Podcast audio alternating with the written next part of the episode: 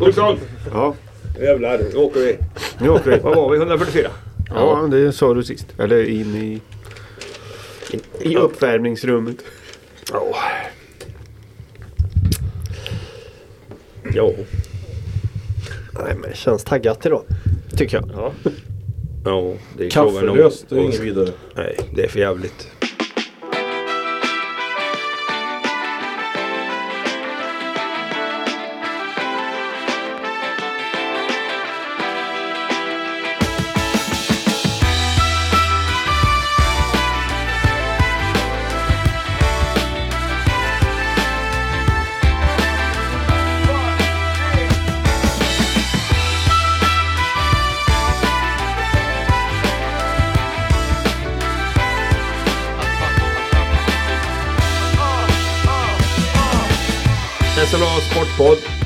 Åter i luften. Avsnitt 144 med fulltalig studio. Janne Larsson först och Linus Hellman. Absolut. Hur har vi det? Jo, det är eh, huvudet uppåt som man säger. Ja, det är väl tur det då att du inte har huvudet neråt. Ja, det har inte gått så bra. Nej, men vad ska jag säga? Nej, Ja, vad ska jag säga? Du brukar ju inte vara, du brukar vara så här, inte fåordig. Nej men jag... eh, Ja, det, Du har haft det bra sedan senast. Så det kanske vi kan fråga. ja, ja, absolut. Det var en ganska stillsam helg i, i hemmet. I. Skövde alltså? Ja, absolut. Så var det. Så att, eh, ja, vad gör man så här års? Idrott, trav och sånt där. Ja, inga, inga utsvävningar. Nej, inte den här gången. Nej, det kommer väl snart kan jag tänka mig. Det finns Ja, en- det i, finns alltid planer så. i din gameplan som Ja. man säger i idrottens värld. Jo, man vill gärna bort från det här, den här sörjan. ja, just det. Jo, men gatorna har ju förvandlats till den. nu. Ja, och det ska, imorgon ska det vara nio grader varmt så att eh, kommer det bli ännu mer sörja. Så är det med det. Anton Gus Gustafsson, hur har vi det här då? Jo, det är kanon faktiskt. Det är riktigt bra. Vad har hänt? Du har varit på Stellas lekland. Har jag hört talas Ja, om. det har jag varit och sen har jag även eh, varit på, tror det heter Kulturfabriken och pysslat. Oj, Det tror jag nästan att jag är den som pysslar mest i den här kvartetten i alla fall. Morde Hellman varför är du med på en? Han är ju mycket för kultur. Ja, han är inte så mycket för att pyssla tror jag inte. Nej, det är inte min poäng. Det var länge sedan. Det var ett tag sedan. Men nu var det på, åker du de här grejerna på Stellas lekland också? Sådana här rutschkanor och grejer eller? Eller vad har man? Jajamän. Det- Ja.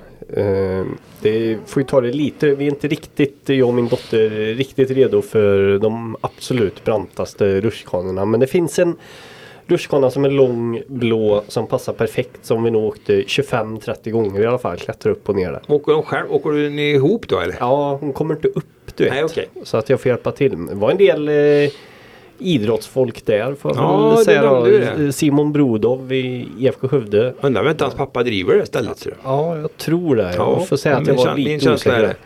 Sen även eh, såg jag i, vilket piggade upp väldigt mycket då i bollhavet, eh, Andreas Usitalo med sina tre barn. I bollhavet. Ja, jag hälsade på honom först eh, i, ja, vid entrén kan man säga då. Men sen när jag kom klättrande där så såg jag nere i bollhavet hur, hur han låg där. Tog det lugnt. Ja, det är bra. det- Han har ju nu har han skrivit på. Han ska ju spela vidare. Ja, jajamän. Nej men han var taggad. Han, Han är ju- bestämde sig sent va? Ja, han är, får man väl säga att han är väl inte en kille som älskar försäsongsträning direkt. Så det brukar ju komma lite senare. Men nu är det fortfarande ganska långt kvar till Ja.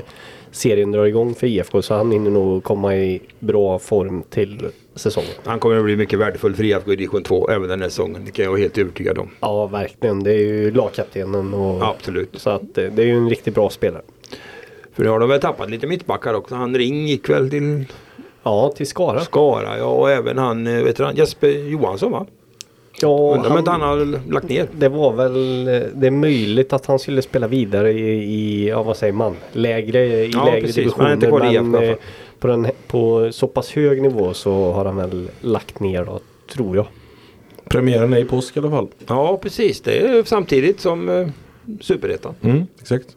Så är det faktiskt. Fullt... Var ska man spela? Men det är en annan... Det, det behöver vi inte ta Ja, jag tror de börjar borta så de har inte det problemet. Det är det också ja. Ja, så är det. Mattias Olsson. Ja. Har du varit någon bollhav nyligen? Nej, det minns jag inte när det var senast. Så att det har inte skett nyligen. Nej. Men det har gått bra ändå. Ja, det var bra ändå.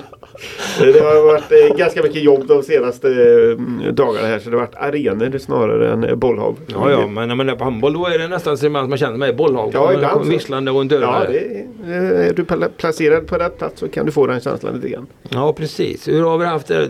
Nej, det var inte skidåkning sedan du var här sist eller? Jo, sedan sist jag var med i podden så har det varit Ja. skidåkning. Eh, Så eh, jag åkte lite slalom i Ulricehamn. Ja, det var ju ganska bra det va? Det får man säga. Och framförallt var det väldigt bra timing för det var jag, tre danskar och en skolklass som var i en helt annan backe än där jag var. Så jag hade ju de första två timmarna hade jag nästan ena backen helt själv och det är ju ganska unikt. Men de har tre backar eller? Nej. tre ganska stora backar och så lite barnbackar på det.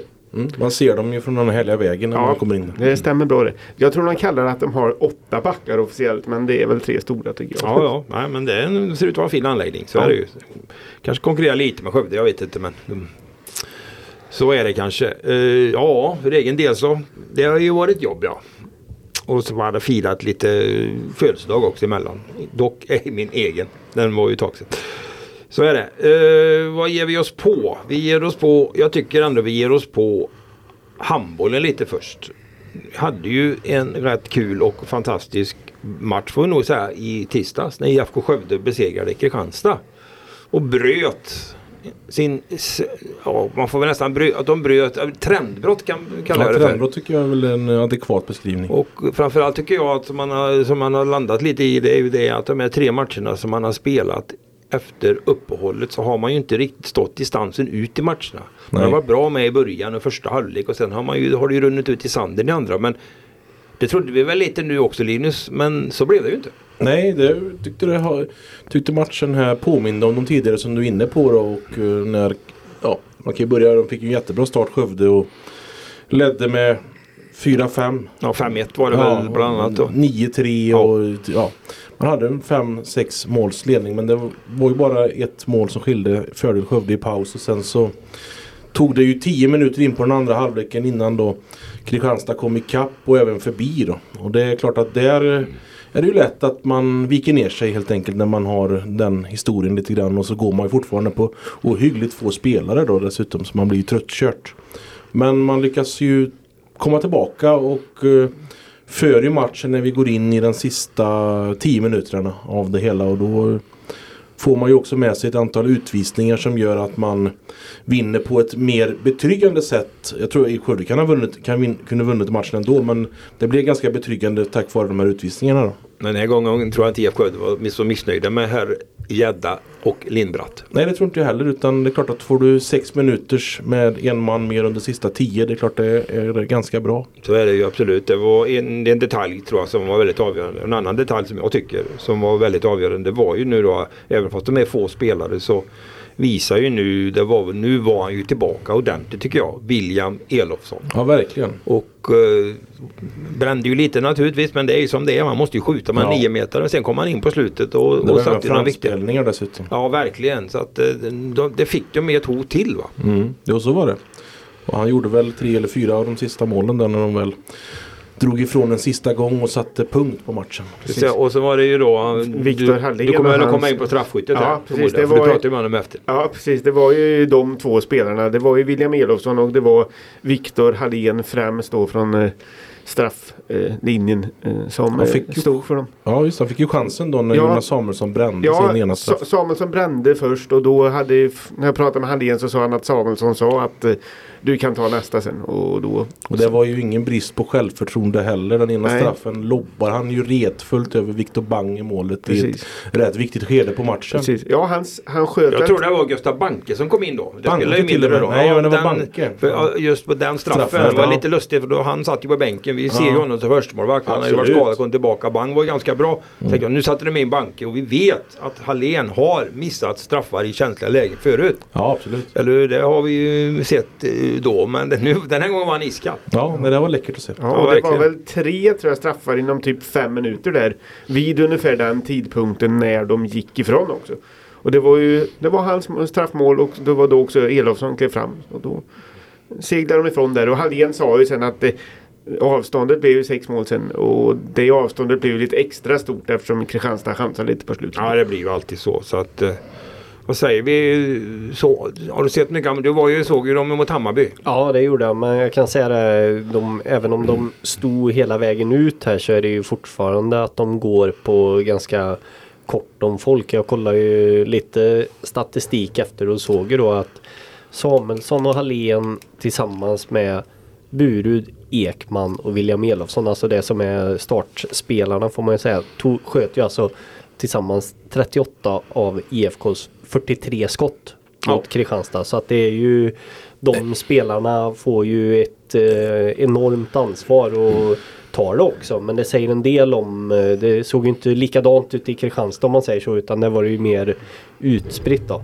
Ja precis. Och en icke obetydlig aspekt är ju också då att nu hade man ju en frisk målvakt som stod i mål. Anton Hagvall var ju Ja, tillbaka efter absolut. sjukdom. Han missade ju matchen mot Hammarby. Då fick man ju ställa in en skadad Håvard Åsheim eller i alla fall halvt skadad. Han spelar i matchen. Du kanske kan berätta själv. Ja men alltså nu var ju Håvard ville ju han, han gnällde ju ingenting utan han eh, sa ju att det gick ganska bra inledningsvis mot Hammarby och sådär men jag tyckte man såg redan på uppvärmningen att han ja men lite lätt halta ändå för vi Jo, pratade om det på Du sa uppvärmningen. det direkt nästan. Ja, att han såg inte riktigt kry ut och ja det var jag stod efter matchen stod jag utanför och väntade för de brukar alltid komma ut spelarna och till slut kände jag nej nu får jag gå in och leta efter Ja, Håvard här lite. Och då satt han ju där inne med ispåse på foten och ja, jag tror han han bet verkligen ihop mot eh, Hammarby så att det var ingen större skräll att han inte kunde Nej, vara han med inte mot var, han var inte eh, ombytt nu ja, Nej, överhuvudtaget. och Utan nu,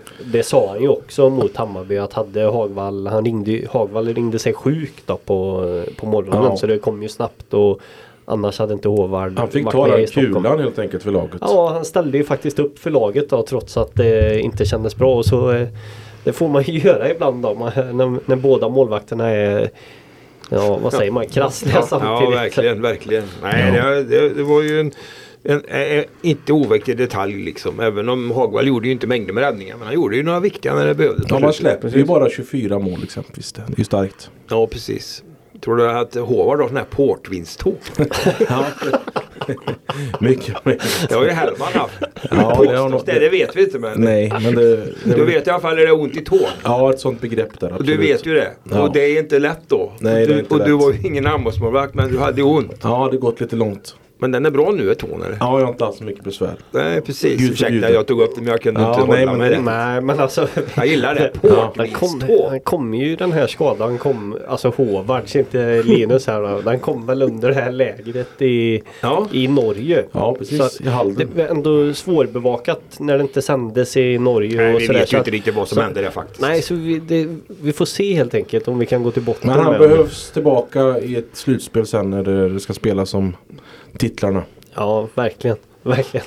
Ja, så är det. Ja, vi, nu sänder vi det här eh, fredag morgon då och på kvällen så har ju de ju så är vi var borta så att eh, det, Ja, det är ett väldigt roligt program måste jag säga Ja. som det har blivit då, med de här topplagen. Och, eh, Hammarby och sen innan det var ju då mot Ystad hemma i arenan så det har ju avverkats topplag på topplag då. Och nu värsta tuffaste utmaningen då när man ska möta eller inte regerande fjolårets SM-finalist och nuvarande serieledaren då.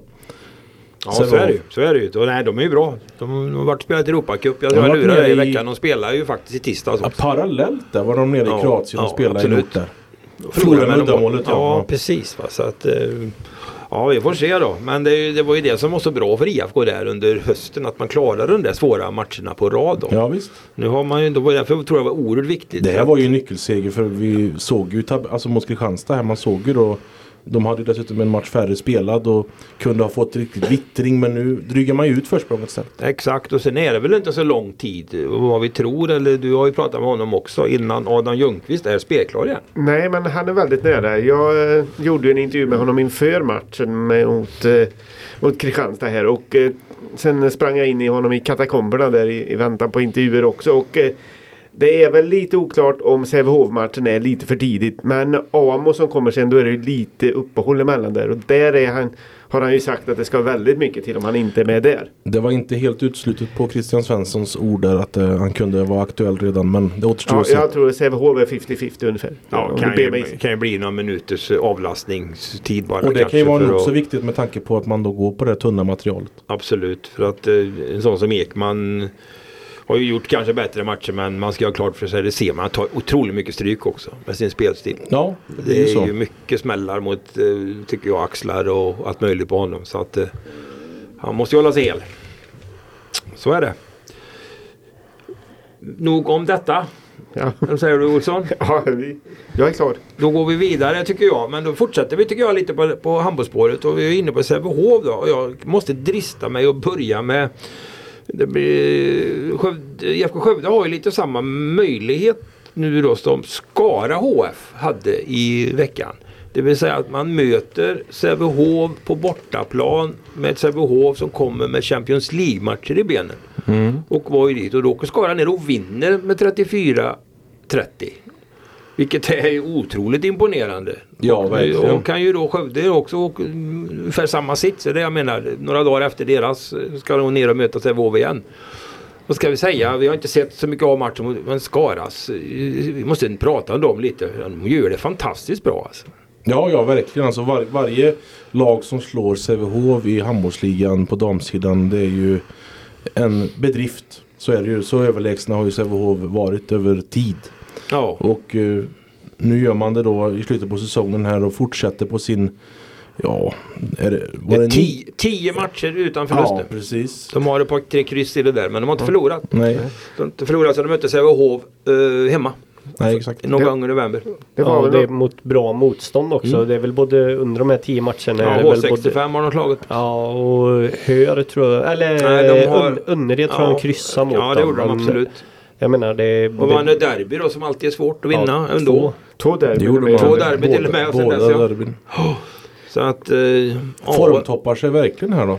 ja det, vi har ju pratat om det här lite förut. Det känns ju som Magnus Frisk då med sina tjejer. Det går, ju- han går ju på sista versen för alla de beslut verkar ju vara tagna. Det blir tränarbyte. Och Ja. de vill verkligen sätta en slutpunkt i Skara som, som heter duga. Ja, och sen har man den typen av spelare som verkligen trivs nu när vi så går in i avgrunden när det verkligen gäller allt ställs på sin spets. Alltså jag pratar om äldre rutinerade spelare som har varit med tidigare och brinner för just det här. Ja. Ja. Ja, det är ju en eh, Sören Kratz i Hammarby 2001 på gång här märker man ju lång väg. Att eh, få ja, men sparken ska man väl inte säga då utan eh, det blir klart att man ska lämna och så gå. Ja, de har inte förlängt med honom får man ju säga då. Så Nej, att man kan ju precis. använda vilket ord man vill där. Ja, det, 2001 härleder du till alltså. ja det, nu är det ju långt bak i backspegeln givetvis. Men minns ju när Sören Jo, jo, Kratz eh, blev klart att han inte skulle vara kvar i Hammarby och så tog de till SM-guld. Mm. Enda guldet för Hammarby. Och det är det jag ser lite hända här i... Nej, är, SM-guld är för mycket för Skara tror jag. Men att de kan bli luriga i Ja. slutspelet Ja, ja. tror jag ju Och kanske absolut. kan gå vidare till en ny semifinal som man var för två år sedan då när man spelade. När Och man nu- tog, tog slut mot Skuru det året. Då. Nu tror jag man har Skuru i nästa match borta. Det blir en ny Mm. test för dem får vi se liksom. Men rutin finns ju både på tränarbänk och på planen och får de ha sina spelare hela. Så att eh, de har inte så många, så, de har inte så bred trupp men de, de har det bra alltså. Så Ja. att eh, ja, vi har pratat om det här redan i höst. Jag är inte dugg förvånad över deras eh, Nej. framgångar med det här laget. Och sen har ju då Skara HF valt andra vägar sen med sin eh, verksamhet. Det är vi för dåligt insatt. Det är ju skälet till det. Men det är bara att konstatera faktum att eh, jag tror inte de byter tränare på att de anser att Magnus Frisk inte håller måttet som A-lagstränare inte. Nej, nej, verkligen inte. Men vad hade de? 10 spelare mot Sävehof. Ja, något sånt va? Och vinner ändå. Det, det säger att det 10 Ja, att det det säger är bra väl spelare. både olika saker men det är klart att jag kan välja positiva att, det, att man kan lyckas. Ja. De plockade in en, då, en uh, Isabella Moratito heter hon va, målvakten också som kom in på grund av skada. Då. Mm. En rutinerad både, det har varit i Sävehof tidigare och eh, Västerås tror jag, Lugi och lite överallt. Rutin. Ja det har hon Ja, verkligen hon eh, stängde ju mot Skövde där i ett derby för några veckor sedan. Ja precis. På tal om damhandboll så var det lite, måste vi också nämna, tycker jag var lite kul. Vi har ju sett det lite. Mästarnas mästare. Dök ju upp här i söndags. Johanna Alms Ja, hon, drog, hon är med i det Mästarnas Mästare, SVT's. Drog ju fram det här eh, sitt, eh, hon har ju en fin karriär naturligtvis med EM-brons och Champions League-seger. Men hon lyfte ju fram SM-finalvinsten 2007 i Globen mot Skövde HF. Det var ett stort inslag. Ja, Vi fick se gamla goda att man ja. just valde det ögonblicket. Verkligen, men de var ju ett ungt orutinerat lag och jag kommer ihåg för jag skrev ju den matchen och var ju på plats självklart. Och eh, Skövde var ju favoriter, de hade ju ett jättebra lag. De mötte ju ganska ungt och orutinerat Sävehof då och eh, ledde ju matchen och tappade den i förlängning och, och sådär. Så att eh, ganska häftigt att se tillbakablicken där som var. Sen så fick de ju sin revansch eh, nästa år. 2008 vann de det SM-guld de har. Så att eh, vi får se nu då Magnus Frisk kanske ska kröna sin karriär i Skara med ett SM-guld. Han är en häftig joker i alla fall i Ja, slutspelet. nu är det bäst av fem vilket gör att det blir svårare naturligtvis. Mm. Det var enskilda matcher på den tiden. Vilket jag tycker kan vara synd egentligen. Ja, själva finalen blev ju, det blev ju Ja. lite mer av en eh, spektakel och lite mer eh, en samlingspunkt på ett annat sätt än bästa fem serier blir. Handbollen vill ju naturligtvis, de är tränarna, det ska vara sportligt rättvisa fem matcher. Men handbollen är ändå en relativt liten sport. Och Det är fylla Globen det- eller Skandinavium en gång per år det var ju Ren- en happening alltså. Ja, rent eh, manifestationsmässigt kan det säkert vara så. Sen har det ju varit så underbara matcher i slutspel. Alltså Absolut. finals. Alltså, Jajamän. det här nya, eh, ja himmel eller helvete men alltså shootout har ju använts eh, och även det har varit massa förlängningar också i matcherna så det har varit oerhört jämnt. Ja, så man kan inte både äta kakan och ha den kvar eller vad man säger. Nej, och de här mindre orterna, eller vad man nu får säga så då, vi, Sverige är ett litet land, de lever ju också upp för just de här enskilda matcherna. Ja, det är väl eh, innebandy och bandy. Ja, bandyn väl har ju, fort- bandyn kör ju den. Alltså det är ju en institution i svensk idrottshistoria.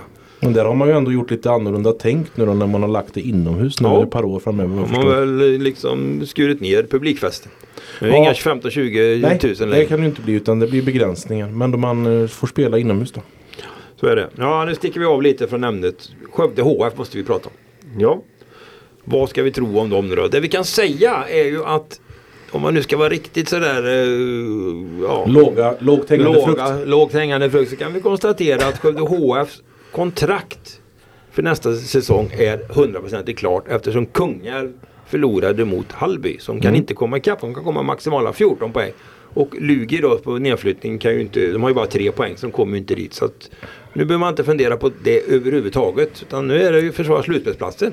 Klarar man det då? Vad säger vi? Ja framförallt så kan ni väl eh, backa bandet till helgen och det var väl en ganska onödigt tung poängförlust som man ändå gjorde där nere i Kristianstad. Så var det ju, jag har sett den matchen. Som matchen eh, var så kändes det ju så. Naturligtvis. De hade ju bra grepp på den och, och, och gjorde det så mycket som var bra. Och sen så tappade man ju då på slutet och var ju väldigt nära att förlora då. Även om man kunde ha avgjort med fyra sekunder kvar. Sista friläget som man får från linjen, bollen går ju utanför. Matchen slutar 30 lika. Ja och då eh, så har man ju slutspelsplatsen just nu på bättre målskillnad då än Västerås va? Det är det nya. Och nu har man Aranäs, ett lag som slåss för att inte hamna i kval då. ja. Hemma på måndag. Ja, fördelen mot just Aranäs är att de har man ju slått två gånger den här säsongen. Både i serien och i kuppen så att, eh, På bortaplan. Så. Och du har ju sett Ja. alla matcherna. Ja, ja, Nu är det i idrottshallen på måndag. Du åker inte till Kungsbacka nu då? Du har ju varit där tre, fyra gånger ja. Nej, det får väl åka till, till den plats Aranäs befinner sig på. Ja. ja, nej, det är lugnt. Jag kan nog hamna i rätt hall. Eh, nej, men de har ju en tendens att ha mött dem några gånger här nu så det borde vara bra. Men annars så är det ju, det blir ju ett race mellan eh, Skövde, eh, Kristianstad och Västerås Irsta om två lag om tre. Jag ska säga tre lag om två platser blir det. Ja, så är det. Skara är redan klart. De har, jag tror de har 21 poäng nu. Ja, det är nog ingen med tanke på form och så det som inte. kommer ikapp det heller. Nej, det ska ju tas in 6 poäng eller Ja. fyra matcher Ja, kvar. så. precis. Nej, det är de tre lagen som slåss om två platser. Så hur det går där, det, det känns tycker jag relativt likställt mellan de tre lagen just nu. Du har- Svårt att bedöma. Ja, då har ju Västerås Kristianstad på lördag då. Nej, Som jag, möts inbördes alltså. ja. Nej, När jag såg, eh, jag var ju uppe i Västerås just, mm, Västerås mot Skövde HF. Och då var Skövde HF ganska mycket bättre än Västerås Irsta. Men det var också ett tag sedan så saker kan ju hända sen dess. Nej, sen slår de ju Lugi då. Det tycker Precis. jag också man ska ha godkänt för. Och det är klart att åka till Kristianstad som ändå är betydligt bättre än vad de har varit. Alltså man säger det innan matchen att man kan ta med, komma med poäng hem.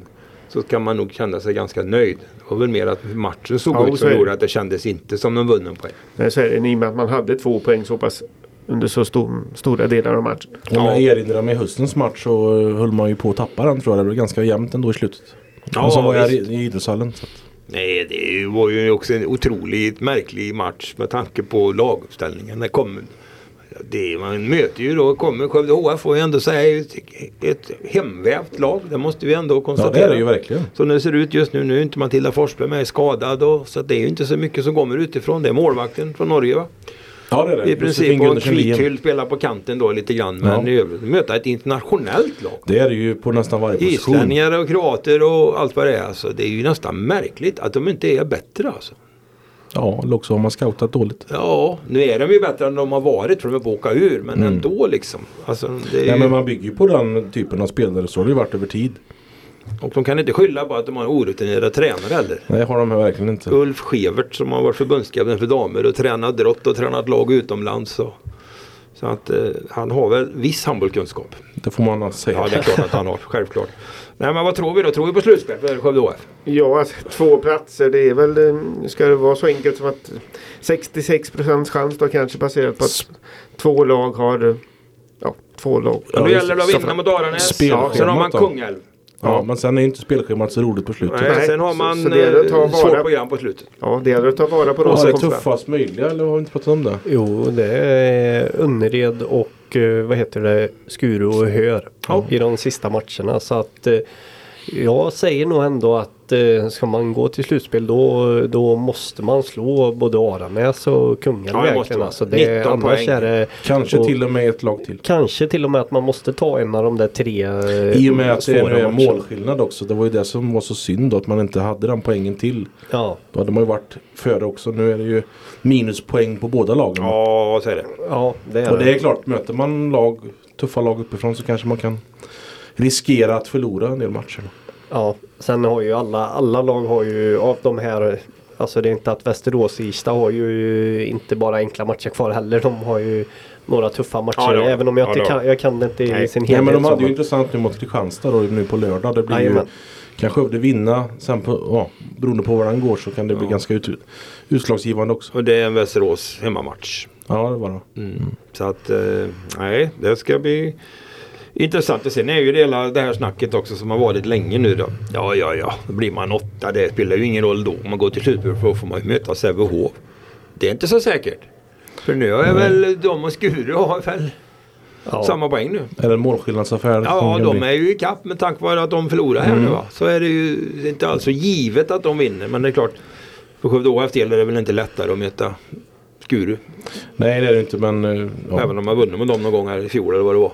Vi ska vi prata om det förut också men det är klart det ska man också ha klart för sig sen när man går in i slutet på herrsidan också att en del lag kan hamna på en del platser som man inte hade tänkt sig heller som kan bli nitlotter även om man hamnar Ja. högt upp då. Ja så är det väl. Så är det ju definitivt. Så Mm. är det ju ex- även på här sidan. Ja, Det kan ju bli just kvartsfinal mellan IFK Skövde och Kristianstad. Ja, det är inte alls omöjligt med tanke på hur tabellen ser ut. nej exakt.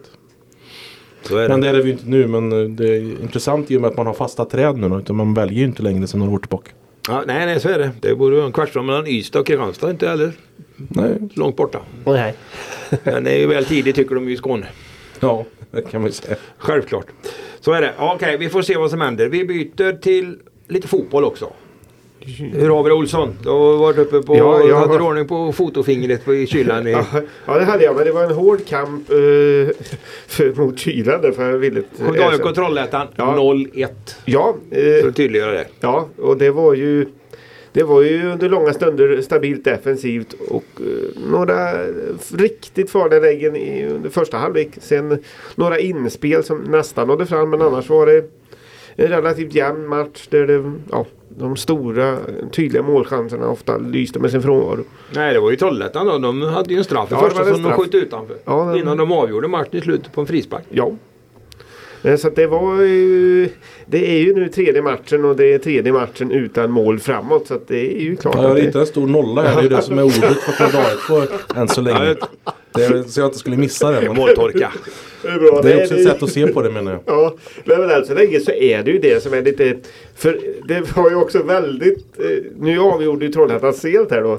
Men det var ju väldigt länge på väg att bli tredje raka 0-0 matchen faktiskt. Så att de hade ju eh, 0-0 mot Lidköping, 0-0 mot Degerfors och så 0-1 här nu på slutet då mot Ja, Trollhättan. Degerfors var väl en rätt okej Ja, insats. det- det var- men- Absolut. rätt så Men det är svårt att dra slutsatser. Men Ja. det är klart att det, det här Jag såg ju hela Trollhättan-matchen också och det är klart att Ja det var mycket bollrullning hit och dit och man är ju inte samspelta och, och sådär. Men det var ju Jag hade nog förväntat mig att man skulle ta, styra den matchen offensivt på ett Det ska skilja sätt. mer mellan ett lag i ettan och ett lag i superettan. Ja jag tycker väl i den matchen. Även om det är en träningsmatch. Och framförallt tycker jag man ska vinna antalet klara målchanser eh, lite, lite Ja, tydligare. precis. Och sen, sen om det inte blir mål, det är kanske inte något att begära nu i februari men eh, just att det är lite jobbigt att det inte kommer så mycket för då, då måste ju uppenbarligen de här löpvägarna sitta här snart för annars så det verkar ju bygga mycket på det att eh, de synkroniserar på något bra sätt och det verkar inte fin, har ingen riktigt sätt att hitta lätta målchanser än så länge i alla fall. Nej, och på måndag ska man möta Djurgården borta på Tele2. Ja, då I Svenska spelar vi ju cupen tävlingsmatch. Hur många biljetter var sålda? Ja, det var lite drygt 5000. Så det är ja. Mm. Kan det bli 10-15 tusen? Ja, mellan 10 och 15 000 skulle jag förutspå på en Ja. sån match. Djurgården har ju heller inte rosat, rosat marknaden på försäsongen. Heller inga vinster. Nej. De gjorde ju mål, bröt sin måltorka nu senast här när man förlorade mot Viking men då spräckte man målnollan i helgen. Du tror på en jämn match? Det tror jag absolut inte på. Jag är väldigt orolig över det Skövde AIK ska kunna matcha med tanke på det vi har sett hittills. Så att, eh, de kommer att få jobba hårt på Tele2 mot Ja. ett mycket namnkunnigt lag som, som i sin tur kanske kan få sin eh, få, ja, en urladdning med tanke på deras bakgrund. Då. Vad vet vi om laget där? Eller har du sett någonting vad de en sån här som Albin Ekdal med och spelar? Och, Ja, det är ju på, tar ju plats på mitten. Och Han är det, med, ja. ja. ja. Det är ju alltså gå igenom lag, lag till. Det är lite, det är lite Nej skillnad. men de har bra spelare alltså. Ja det är klart. Överallt. Och De laddade ju upp. De var ju på Kanarien och spelade träningsmatch mot Mjällby för några veckor sedan Och också. Skövde AIK var Ullvallen. De var i Ullvallen, ja, det, det, det gick inte att spela. Nej, man var ju faktiskt... Ja, Skara var, var vi. var Ullvallen och på Skara, på, Ja. på vilan där i Skara. Vi ska vara spela. rättvisa mot dem. Vi ska Ja. inte vara elaka. Nej, vi ska bara tala om hur den stora kontrasten ser ut. Ja. Ja, vill- man nu vara lite positiv då så är det ändå försvaret sett relativt stabilt ut i Skövde AIK än så länge. Och det är mycket som är kvar där från förra året. Så att det finns ju en lite man undrar ju hur målen ska komma till. Ja, det gör man. ja, det får vi titta på. Nej men man får, kan ändå konstatera att det är lite samma känsla som det var förra försäsongen. Det var många eh, ganska svaga resultat på försäsongen i fjol också. Så var det ju. Eh, och, det är lite, urusla. och sen blir det såklart eh, väldigt svårt för Skövde AIK mot Djurgården och IFK Göteborg. Där får man ju vara realist och inse att det skiljer en del troligtvis. Men du kan ju ta du kanske kommer till det, alltså man gjorde ju ändå, stod ju upp fysiskt mot ett Malmö FF när det väl började Ja, tävlas. a- absolut. Skövde AIK behöver inte... Det, var, det, var, det är inget att skämmas över att få stryk 2-0 borta mot. Malmö FF. Det var, det var jättebra. Alltså, Ja, jag menar bara att man känner igen mönstret lite från förra försäsongen med Ja men ganska svaga resultat. Ja. Vann inte så mycket på försäsongen och sen minns vi alla hur det började. Nu är det ju fortfarande långt kvar till eh, Superettan drar igång här. Så det Ja, finns ju men tid hur rustat är man nu när man, alltså, då, i- i fjol Degerfors och, och Malmö, man stod ändå upp i de matcherna. Ja. Nu ska man möta Djurgården och så IFK Göteborg. Ja och det vet vi inte om de kommer stå upp här. Eller nej, hur nej, tänker jag, du? nej, Alltså, nej, jag bara märker, jag, bara, jag, jag sätter ett stort eh, frågetecken. Ja, Ja, Nej, det måste vi naturligtvis göra. Det finns ju inget annat med tanke Nej. på. Det enda man kan tycka är väl ändå det är väl Olsson som har sett dem mest. Att det syns. Jag tycker väl ändå att de här eh, som han mittfältaren nu. Du kan namnen bättre än jag. Siga och Zenek ja, men det finns kvalitet där. Ja, men han, han känns ju ganska stabil. Det är ju, Ja. Där tror jag faktiskt det ligger mycket i att han behöver lite matcher bara och lite tid. För att han vet nog inte riktigt hur han ska röra sig i förhållande till sina lagkamrater. Och det har varit lite olika spelare där. Elmar Abraham och Diagne Mamadou här som Ja men han blir ju klar också. Han Ja. tycker jag också ser eh, Ja. lite bättre ut än de nyförvärven fick in i fjol. Absolut. Nej, så att det är möjligt att ja, den biten kommer nog sitta ganska bra också tror jag. Men sen, sen är frågan Vi får ju se hur de här ser ut i kampsituationer. Det kan man väl inte säga att Trollhättan och Lidköping kanske har testat dem på än riktigt. Nej men Degerfors var väl ändå, tyckte Ja. jag väl ändå. Den har ni ju sett också. Ja, jag, jag står De ändå... hade ju inget reservlag direkt Nej, det var, Deg, det var ju Degerfors. Eh, ja, vad, vad säger man? Det var, de hade väl, där Ja. de hade det är möjligt att de saknade någon spelare här och där. Men det, var, det behövde inte SAIK skämmas över överhuvudtaget. Det var ju jämn match mot ett, eh, ja, ett bra Degerfors. Så att, eh, det är klart, det är väl den här försäsongens positiva match hittills. Men ju säga. nej det är det ju. Jag kan ju tycka att det är helt, kanske man ska ju inte vara, det är inte starstruck man är direkt men det är ganska häftigt egentligen. Att AIK ska börja tävlingssäsongen borta på Tele2 Arena mot Djurgården. Ja, Och jag har sagt det för ett par tre år sedan. Så man kan ju säga så att det har ju hänt en del på några år. det sa ju till och med, om ni kommer ihåg när vi hade Filip Skyberg här. Han sa ju det till oss också. Det trodde man ju inte när man skrev på för AIK för tre, år, tre fyra år sedan. Nej, nej, nej. Så att det är klart att det har hänt mycket och det har gått fort va. Ja, Djurgården borta och IFK Göteborg borta. I alla fall är det ju betydligt roligare än eh, när det var division 1-spel för Ja. eh, några år sedan. Då var man inte nära de här matcherna. Även om det såklart... Karlstad United kom och besökte med all respekt men det är inte det mest Nej, kittlande. men det, Nej. så att jag bara hoppas att, att, de står upp på ett hyggligt sätt. Mer kan man inte begära. Nej. Så är det. Eh, ja, vi måste ju gå vidare med ishockey. Ja, Vad ska vi säga om Skövde IK? Ja, Ja, det man kan säga att det är mycket hockey på kort tid. Matcher på ja kort sen vi pratade vid sist här. Tre så matcher. Ni hade ju, det var ju en mycket bra grej förra veckan här som ni skötte med Kristoffer Söder derbyt. Så den där så har det spelats tre matcher. Man har förlorat två och vunnit en. De derbyt först 1-2 i en match som var, jag vet inte. Det var väl sådär va? Ja, det får man ju säga. Alltså, det syntes, Spelmässigt. Ja, spelmässigt syntes det att det var två lag som... Ja, det såg ut som att båda var väldigt rädda för att förlora. Alltså. Men det är ett svårslaget rekord måste ju vara. Nu följer jag det på distans och bara såg.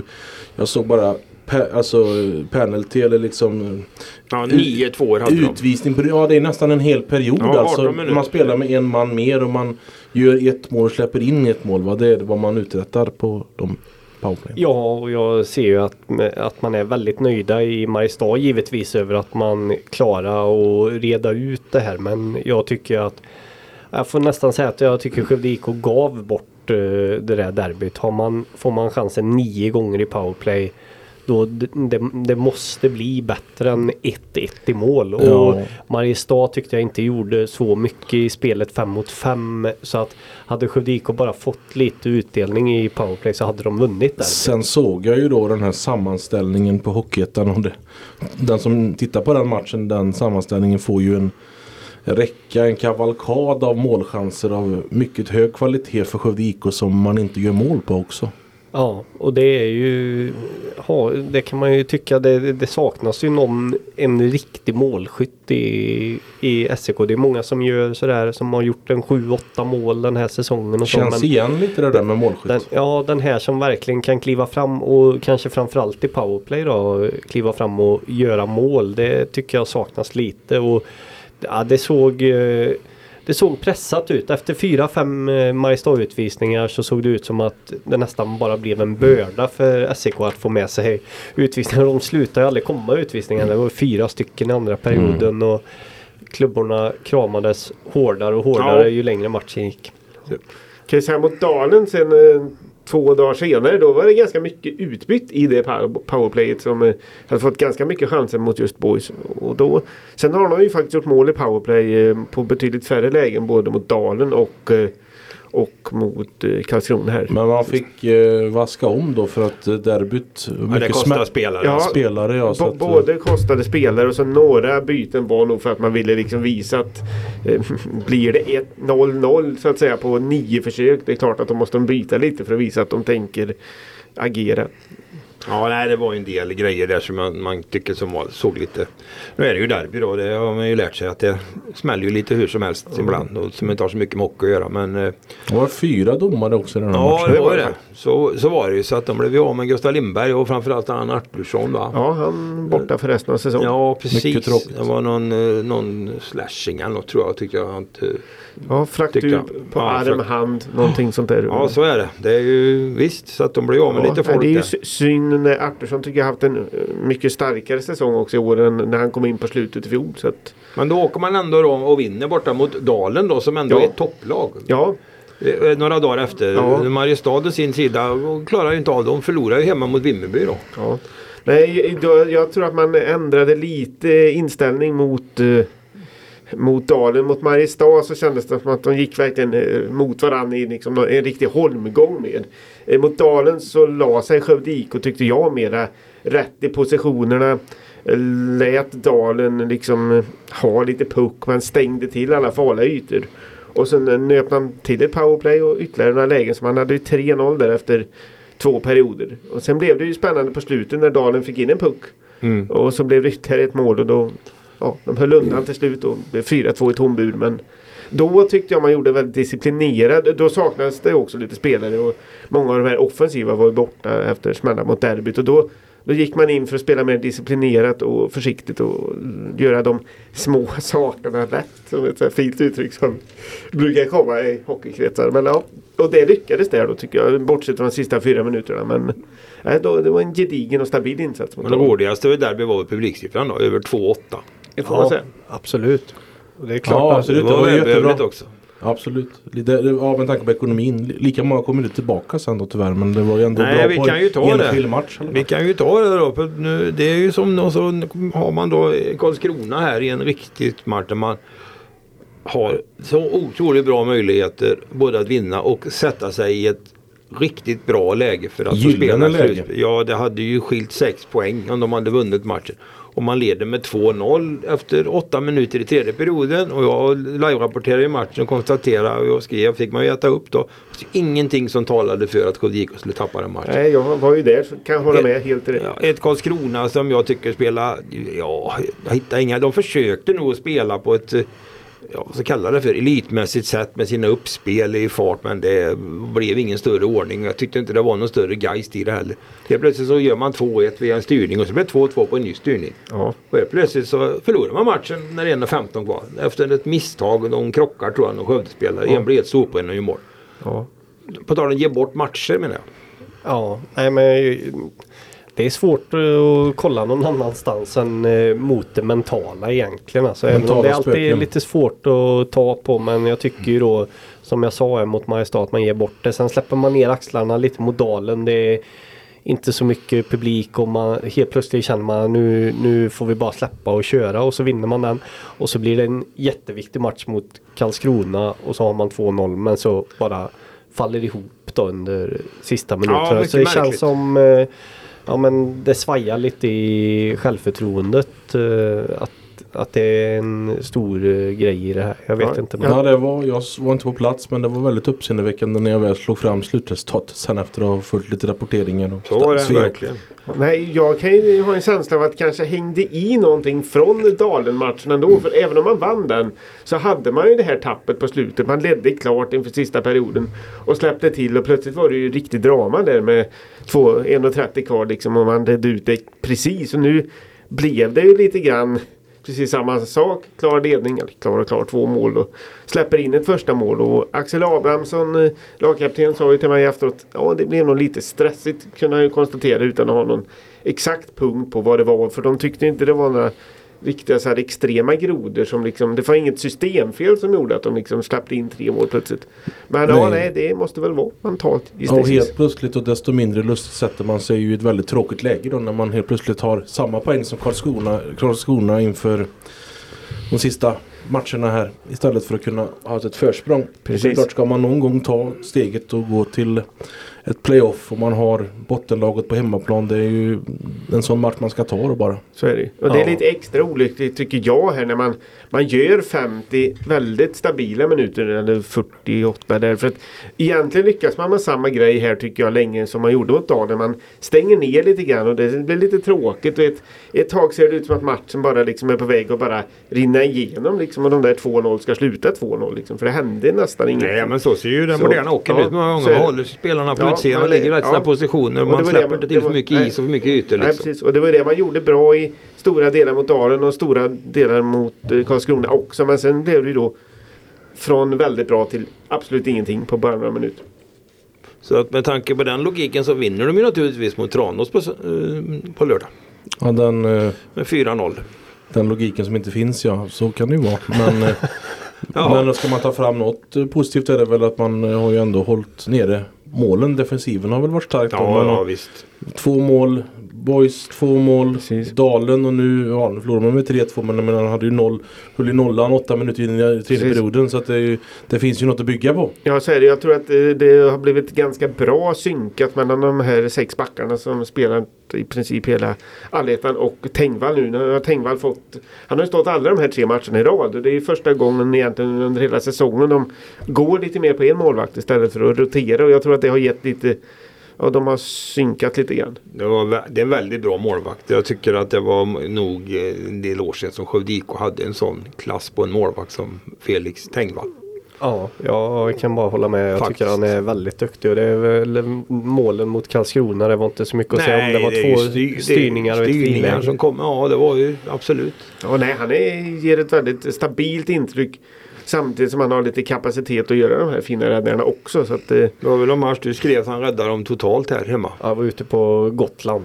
Ja. Var det, då var han Ja, det var fantastisk. Men det pratade vi om i Ja, förra, Ja, förra veckan. vi, Men att- eh, det är klart. eh, Hade det SEK om, vad är det du brukar säga Hellman? Om och när och hur eller vad är det? Men med om kan man lägga hela Paris i en flaska. Ja, men jag säger då.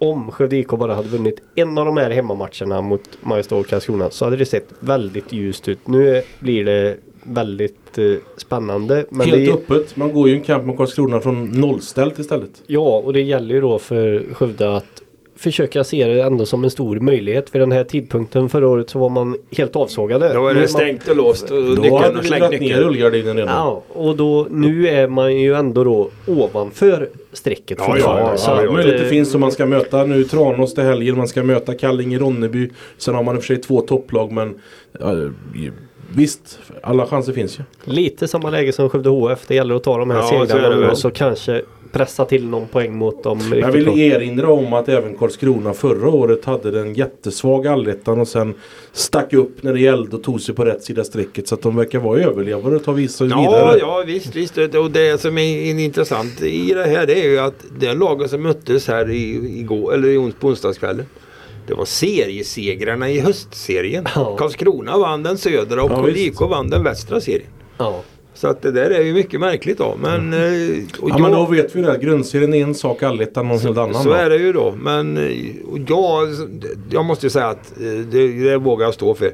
Jag tyckte att det var otroligt besviken på Karlskrona. Jag är inte så jäkla säker på att de tar så många fler poäng om de inte kan prestera bättre än vad de gjorde här i Skövde. För att det var, jag tyckte inte att eh, jag tror de har så jäkla höga krav på sig på något vis. Jag vet inte. Det, ja, nej, det är svårt att säga.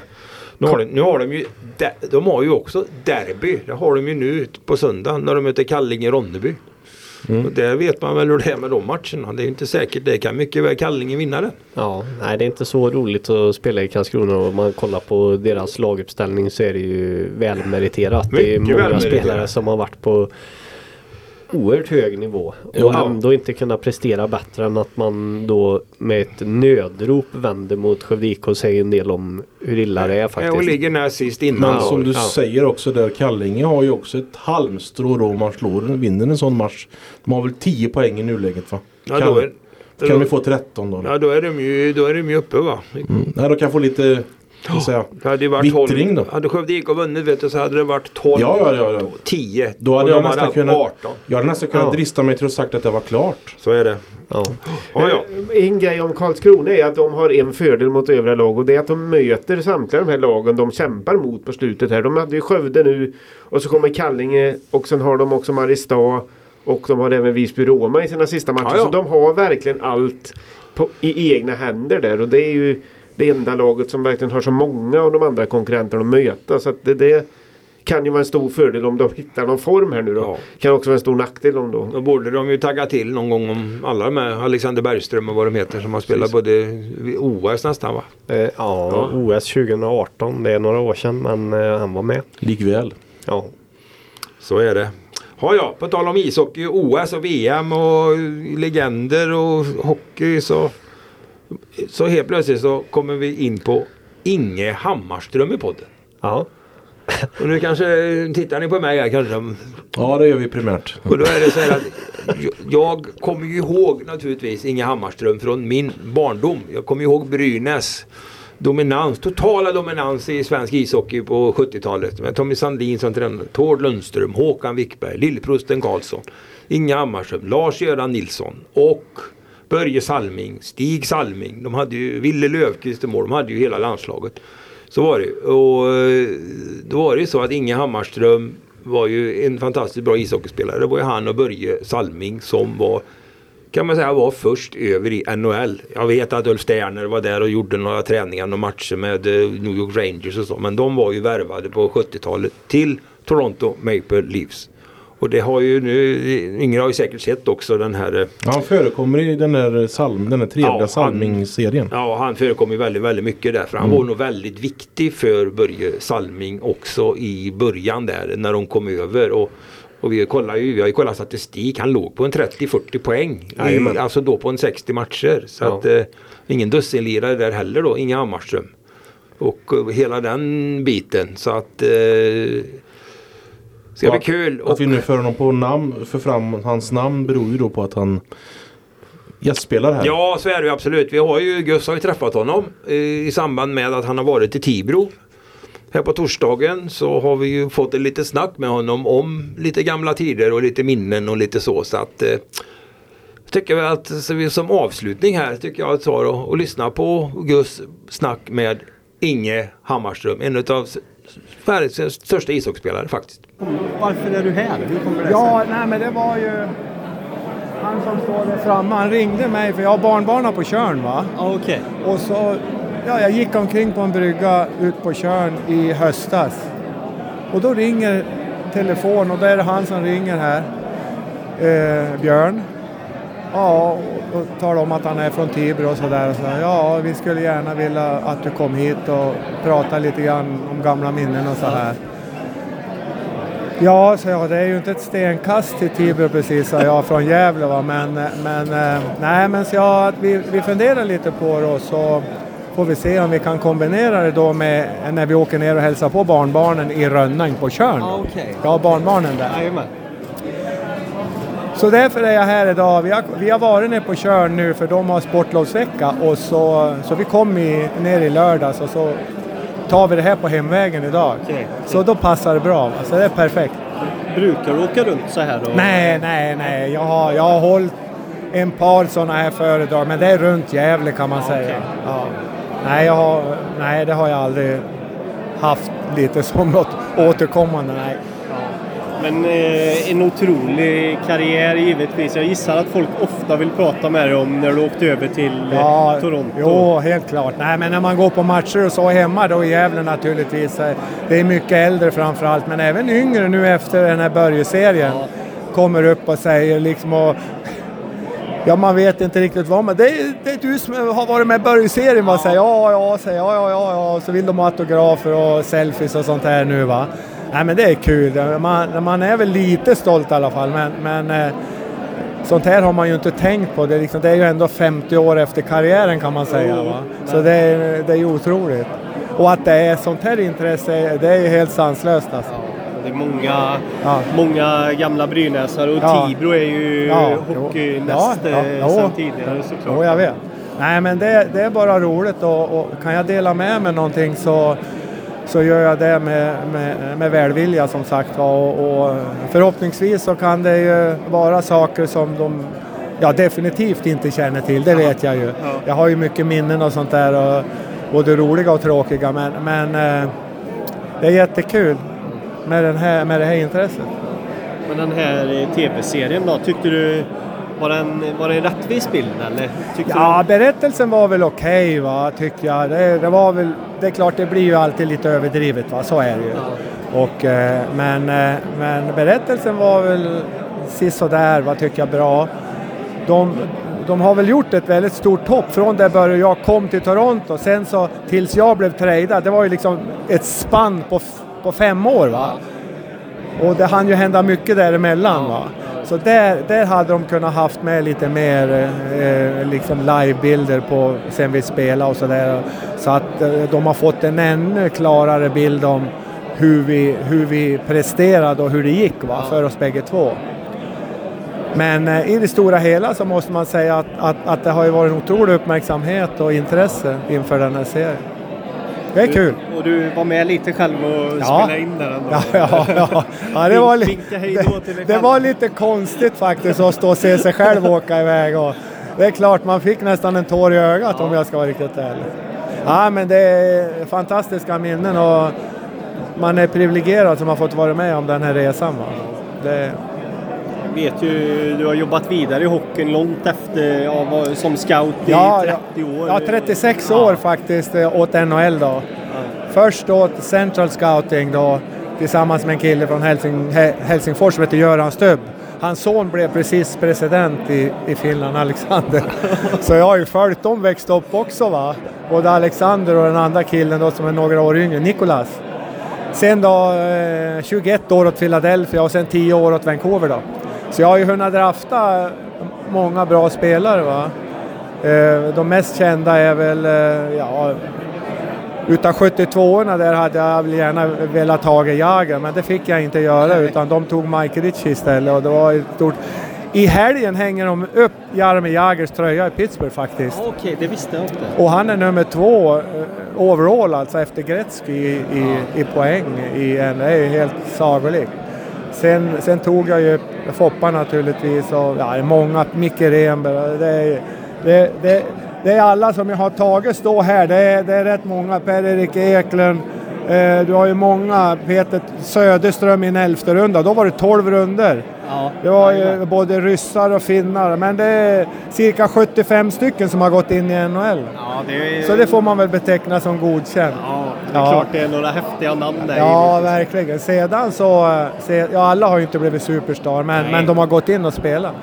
Det är många.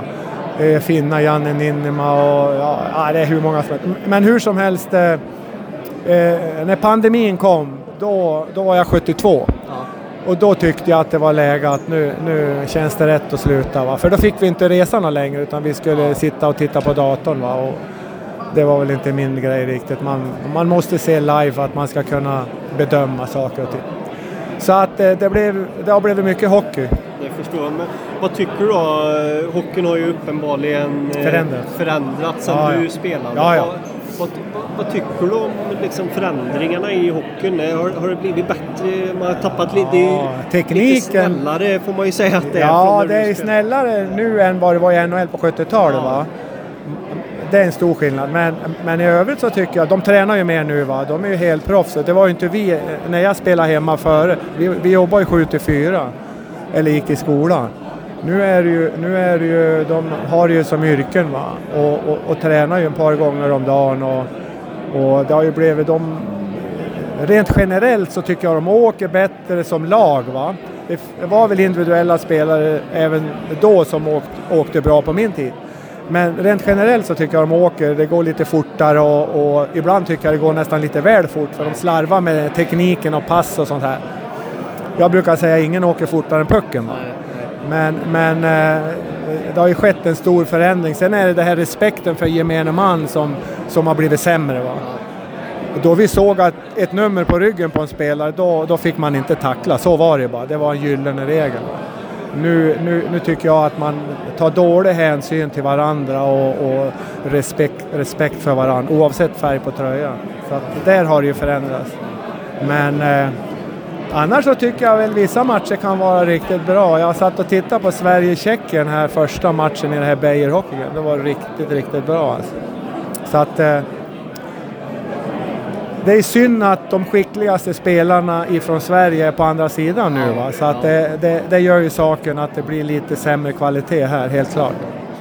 Är du över något i, åker du över till Toronto Ja, ja under, nu, under de här jobbåren som scout, då var jag ju över typ fyra, fem gånger per säsong, minst. Jajamän. Minst. Men, men nu, nu...